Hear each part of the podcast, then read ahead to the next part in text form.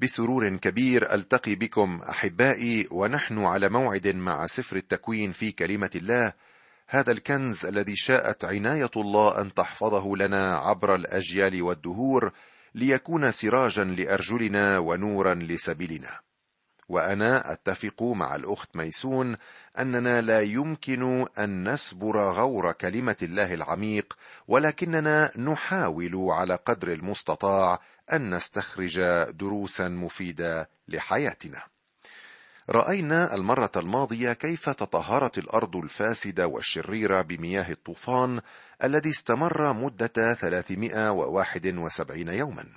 وأكدنا أن الطوفان كارثة كونية حلت في كل أرجاء الأرض ولم يكن مجرد حدث مقتصر على بقعة معينة من الأرض. تركنا نوح المرة الماضية يخرج من الفلك ويبني مذبحا للرب. كان أول عمل عمله نوح أنه بنى مذبحا وقدم عليه ذبيحة محرقة للرب. هذه الذبيحة يا صديقي تحكي عن الرب يسوع وقد قدمت على أساس القبول أمام الله والتسبيح لله اعترافا بشخصه. وهذا الشيء أبهج قلب الله. رأينا نوع الرجل المطيع الذي كان فاهما إرادة الله وعبر عن تقديره له بأن عبده هو وليس الفلك. في ختام تأملاتنا في الفصل الثامن من سفر التكوين نستطيع القول إن الإنسان قبل الطوفان قد تعلم ما يلي الثورة والتمرد على الله رفض الإعلان الإلهي عن طريق نوح النكران المطلق للتوبة والرجوع إلى الله. لقد رفض الناس الملجأ الذي وفره الله ولمدة 120 سنة لم يربح نوح نفسا واحدة للرب. والآن وبعد أن انتهى الطوفان نجد نوح في مركز فريد ومرموق رأس العائلة البشرية وهو نفس المركز الذي كان لآدم قبل السقوط. يمكننا القول إننا لسنا أبناء آدم فقط بل وأبناء نوح أيضا. نأتي الآن إلى بداية جديدة. من العسير علينا أن نفهم ماهية هذه البداية. لقد انتهى عهد البراءة أو تدبير البراءة والآن نرى الله يضع الإنسان تحت تدبير الحكومات عليه أن يحكم نفسه. هذا ما نراه في العهد الذي أبرمه الله مع نوح. وتذكر يا صديقي أن العهد مع نوح هو عهد بيننا أنت وأنا وبين الله. ستقرأ لنا الأخت ميسون من العدد الأول وحتى السابع عشر من الأصحاح التاسع. أرجو أن تصغي بكل خشوع إلى كلمة الله مستمعي وأن تتتبع معنا إذا كنت تملك نسخة من الكتاب المقدس.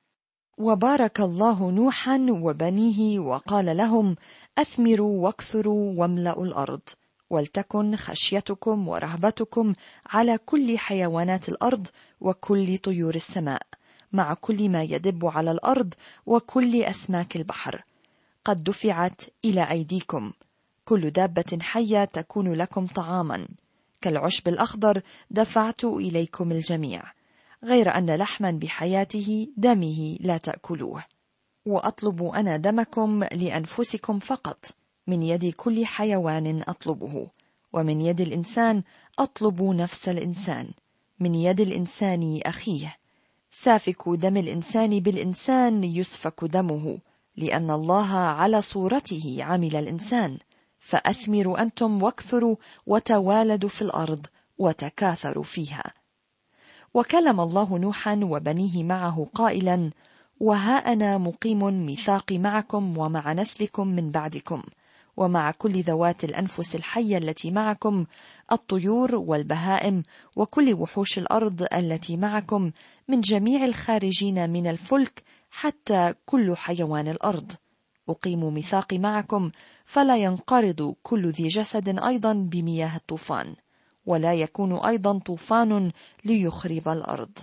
وقال الله هذه علامة الميثاق الذي أنا واضعه بيني وبينكم وبين كل ذوات الأنفس الحية التي معكم إلى أجيال الدهر. وضعت قوسي في السحاب فتكون علامة ميثاق بيني وبين الأرض. فيكون متى أنشر سحابا على الأرض وتظهر القوس في السحاب أني أذكر ميثاقي الذي بيني وبينكم وبين كل نفس حية في كل جسد. فلا تكون أيضا المياه طوفانا لتهلك كل ذي جسد. فمتى كان القوس في السحاب؟ أبصرها لأذكر ميثاقا أبديا بين الله وبين كل نفس حية في كل جسد على الأرض. وقال الله لنوح هذه علامة الميثاق الذي أنا أقمته بيني وبين كل ذي جسد على الأرض. املأ الأرض. الكلمة املأ هنا تحمل معنى كبيرا لأنه قبل الطوفان كانت حياة على الأرض. أثمروا واكثروا واملأوا الأرض. هذه الكلمات الأولى التي قالها الله لنوح. واليوم نحن نعيش في زمن الانفجار السكاني. هناك تزايد سكاني هائل وخطير. كان نوح وعائلته هم الوحيدون على وجه الأرض. هل يمكنك أن تتصور ذلك مستمعي؟ هل تتصور أن تخرج من بيتك ولا تجد أحدا في الشارع ولا تسمع ضجيج السيارات؟ لن تكون بحاجة أن تقف على الإشارة الضوئية لأنه لن تكون أية سيارة أخرى لتمر. هل تتخيل الشعور؟ هذا ما كان يشعر به نوح وعائلته. اذا إرادة الرب هنا أن ينتشروا على وجه البسيطة دون أن يتجمعوا في نقطة واحدة الأمر الذي أهملوه وخالفوه كما سنرى في الحلقات المقبلة. ولتكن خشيتكم ورهبتكم على كل حيوانات الأرض وكل طيور السماء مع كل ما يدب على الأرض وكل أسماك البحر قد دفعت إلى أيديكم. الجزء الآخر من العهد هو حماية الإنسان وتسلطه على عالم الحيوان. قبل ذلك الوقت لم يكن الإنسان من اكلي اللحوم ولا الحيوانات كانت كذلك.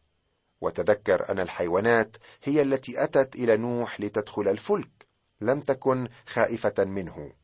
أما الآن فهي تخافه لأنه فعلا يشكل خطرا عليها. طلب الله من الإنسان أن يتسلط على الحيوانات ولكن أيضا أن يوفر لها الحماية. ولكن الإنسان راح يقتل الحيوانات بلا رحمة حتى أن انواعا كثيرة انقرضت أو في طريقها إلى ذلك. بالطبع أكل لحوم الحيوانات ليس جريمة ولكن الكتاب لا يشجع ابدا على تعذيب الحيوانات أو إبادتها. كل دابة حية تكون لكم طعاما. كالعشب الأخضر دفعت إليكم الجميع. هذا هو الغذاء الجديد الذي يقدمه الله للإنسان. قبل الطوفان أعطى الله الإنسان خضار الأرض ليأكل منها.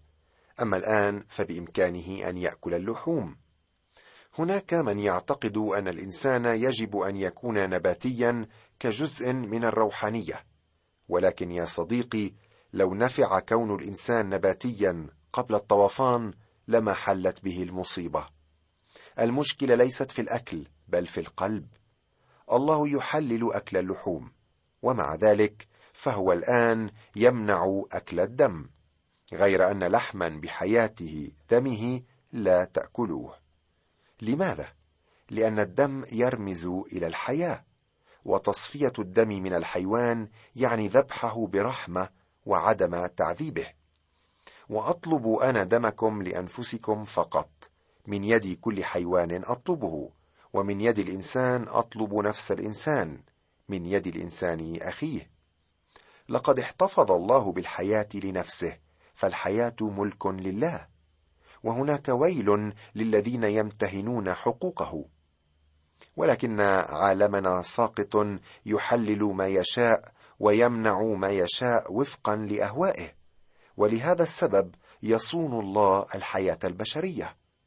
لقد رأى الله أن السيف الذي عهد به للإنسان دفاعا عن حق الحياة سوف يسيء الإنسان استعماله بمحض إرادته دون خشية الله وسوف تجري من حديه سيول من الدماء. الله الذي رأى ذلك بعلمه المسبق سن هذه الشريعة. هذا نراه مؤكدا في الجزء الأخير من العهد. اسمع كم هو رائع. سافك دم الإنسان بالإنسان يسفك دمه لأن الله على صورته عمل الإنسان. هنا نرى الله يضع مبدأ الحكومات والشرائع لحماية الإنسان. هنا يرسي عقوبة الموت. رأينا في هذا العهد أن على الإنسان أن يملأ الأرض وأن يتسلط على الحيوان وأن يأكل اللحم والا يأكل الدم. والآن نراه يتسلم الحكم والشرائع والإجازة بعقوبة الإعدام. ولكن لماذا؟ لأن الله على صورته عمل الإنسان وصورة الله هو الشيء الوحيد الذي بقي للإنسان بعد السقوط فالذي يقتل آخر إلا عن طريق الشريعة والسلطان يصبح متهما بتحدي ونكران حقوق الله في هذا الأمر. ذلك أن القاتل لا يقتحم الإنسان فقط ويؤذيه بل ويشوه صورة الله. ولا سبيل للحفاظ على كرامة الله ومشيئته سوى الحكم بموت القاتل. واليوم يا صديقي قد ابتعد الإنسان عن الكتاب المقدس وعن الحقائق الموجودة فيه. ومن هنا نجد العالم بقضائه في بعض البلدان يحاول التخلص من عقوبة الموت بينما شر الإنسان في تزايد مستمر. ما عليك إلا أن تنظر إلى نسبة الجرائم لتكتشف بنفسك. أنا أعتقد أن الحكومة بإمكانها أن تأخذ حياة أحدهم إذا قتل نفسا بريئة. هذا أمر إلهي وكتابي. وهو موجود لحماية الإنسان وصون إرادة الله. عندما يعرف المجرم أنه ولو قتل سيبقى على قيد الحياة فإنه سيقتل أكثر. سافك دم الإنسان بالإنسان يسفك دمه. قانون يفضل الرجوع إليه في القضاء اليوم. وعلى الرغم مما سبق فرآه الله من تمرد وقتل ها هو يعيد ويقول فاثمروا أنتم واكثروا وتوالدوا في الأرض وتكاثروا فيها. هذه إعادة لقول الله في العدد الأول. وكلم الله نوحا وبنيه معه قائلا وها أنا مقيم ميثاقي معكم ومع نسلكم من بعدكم ومع كل ذوات الأنفس الحية التي معكم الطيور والبهائم وكل وحوش الأرض التي معكم من جميع الخارجين من الفلك حتى كل حيوان الأرض. كل مخلوقات الأرض مشمولة في هذا العهد. وقد تنبأ إشعياء النبي أنه في يوم ما سيعيش الأسد مع الحمل بدون نزاع. وهذا في الملك الألفي على الأرض في المستقبل. أما الآن فيقول لنا بولس أن الخليقة تئن وتتمخض. اقيم ميثاقي معكم فلا ينقرض كل ذي جسد أيضا بمياه الطوفان ولا يكون أيضا طوفان ليخرب الأرض. هذا وعد الله أنه لن يدمر الأرض ثانية بالطوفان. ستكون دينونته الثانية بالنار. هذا ما تخبرنا به رسالتا بطرس في العهد الجديد. وأما السماوات والأرض الكائنة الآن فهي مخزونة بتلك الكلمة عينها محفوظة للنار إلى يوم الدين وهلاك الناس الفجار. فالأرض التي تطهرت مرة بالماء سوف تتطهر بالنار ولا ينجو سوى أولئك الذين التجأوا إلى ذاك الذي اجتاز نيران دينونة الله. لاحظ أن الله لا يقيم عهده مع نوح وبنيه فقط بل ومع كل ذوات الأنفس الحية من طيور وبهائم ووحوش ليحميها من الانقراض بمياه الطوفان.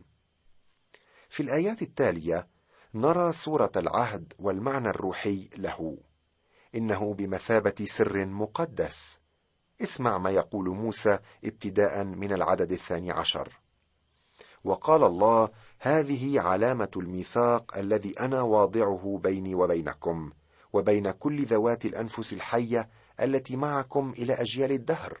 وضعت قوسي في السحاب فتكون علامة ميثاق بيني وبين الأرض. فيكون متى أنشر سحابا على الأرض وتظهر القوس في السحاب أني أذكر ميثاقي الذي بيني وبينكم وبين كل نفس حية في كل جسد. فلا تكون أيضا المياه طوفانا لتهلك كل ذي جسد. فمتى كانت القوس في السحاب أبصرها لأذكر ميثاقا ابديا بين الله وبين كل نفس حية في كل جسد على الأرض. في بداية هذا الإصحاح رأينا بركة الله لنوح وللعالم والسماح للإنسان بأكل الحيوان. ثم رأينا الحكومة تسلم لأول مرة ليد الإنسان حماية للحياة البشرية وانتقاما لمجد الله. ثم رأينا الله يقيم ميثاقا مع الجنس البشري وكل الكائنات الحية وها هو الآن يعطي علامة هذا الميثاق. لاحظ ماذا يقول الله. عندما أرى القوس سأذكر ميثاقي. لم يقل أن نراه نحن بل يراه هو. يراه ويكون ميثاقه الذي بين الله وبين الكائنات الحية على الأرض. والمؤمن أيضا عندما يتأمل في وعد الله وينظر إلى القوس عند ظهورها في السحاب ويستريح بحيث أن المسألة لم تصبح متوقفة على الإنسان العاجز ضعيف الذاكرة بل على الله. يجب أن يبعث هذا في نفسك التشجيع يا صديقي كلما رأيت قوس قزح في السماء. وقال الله لنوح هذه علامة الميثاق الذي أنا أقمته بيني وبين كل ذي جسد على الأرض. هذا هو عهد الله ليس مع نوح فقط بل مع كل أحياء الأرض أيضا. مرة أخرى يمكننا القول بأن قوس القزح هي سر مقدس لأنها علامة واضحة مرتبطة بوعد. هناك علامات كثيرة في الكتاب سنتحدث عنها فيما بعد كالحية النحاسية وحمل الفصح والمعمودية ومائدة الرب إلى آخره. قال أحدهم إن عين الله وعين المؤمن تلتقيان في العلامات المقدسة. هذا ما يحدث عندما ينظر الإنسان إلى قوس قزح التي لا تظهر ما لم يكن هناك مطر. فإذا كان المطر يثير المخاوف فإن هذه القوس الرائعة تبدد تلك المخاوف وتبقى الخليقة مطمئنة من جهة عدم حدوث طوفان آخر بناء على ميثاق الله الأبدي. الله يعطي وعدا ويربطه بعلامة من أجل إيماننا. وكان بنو نوح الذين خرجوا من الفلك ساما وحاما ويافث وحام هو أبو كنعان. هؤلاء الثلاثة هم بنو نوح ومن هؤلاء تشعبت كل الأرض. هنا يلفت الوحي انتباهنا إلى ثلاثة رؤوس تشعبت منها كل الأرض. وهذا يأتي بعد التنظيم الإلهي الرائع للحكومة في يد الإنسان وإخضاع الخليقه له والحفاظ على حياته ضد كل نوع من الاعتداء القاتل بوصفه على صورة الله وبعد الميثاق الذي قطعه على نفسه تعالى إبقاء للجنس البشري الميثاق المرسوم بتلك العلامة المميزة. سام وحام ويافث هم أبناء نوح الثلاثة الذين كانوا معه في الفلك. هم جنس نوح إن صح التعبير. الذي منه ستخرج العائلات الأرضية بأسرها بعد أن دمر الطوفان كل نفس حية. سنرى ماذا حصل مع نوح وأبنائه في الحلقة المقبلة بإذن الله. وفي ختام لقائي أود أن أتحدث معك يا أخي مرة أخرى عن تلك العلامة قوس قزح التي ترمز إلى صليب المسيح إلى الجلجثة حيث نشاهد سحابة الدينونة الإلهية فوق المسيح المذبوح. ولكن وسط هذه السحابة يشاهد المؤمن أشعة محبة الله الأبدية تخترق تلك الظلمة وتنعكس على ذلك السحاب ويسمع عبارة قد أكمل. يا لها من صورة رائعة للخلاص الذي لنا في المسيح. أرجو صديقي أن تكون قد اتخذت خطوة الخلاص هذه ووضعت ثقتك في شخص المسيح وفي عمله لأجلك. عندما نذكر قصة الصليب لا نريد فقط أن نحرك فيك المشاعر بل نريدك أن تفهم ماذا عمل المسيح لأجلك أنت شخصيا. المسألة يا صديقي ليست عملا بطوليا قام به المسيح. لقد قاس دينونة رهيبة من أجلي ومن أجلك. تحمل جزاء جرمنا وعقابنا. أناشدك أيها الحبيب أن تقبل عمل المسيح هذا في حياتك. حينئذ عندما تنظر إلى قوس قزح ستتذكر هذا الصليب الذي فيه راحة للقلب المتعب وتسكينا للضمير المنزعج. وأكثر من ذلك فيه حياة أبدية لك ولن تهلك ابدا ولا بأية دينونة كانت لأنك في أمان مع المسيح. إذا كنت تريد أن تعرف المزيد حول هذا الموضوع أو تستفسر عن نقاط مبهمة لديك أشجعك أن تكتب إلي وأنا وزملائي على أتم الاستعداد لمساعدتك. موعدي هذا بك قد انتهى لكننا على موعد جديد في الحلقة المقبلة. إلى اللقاء والرب معك.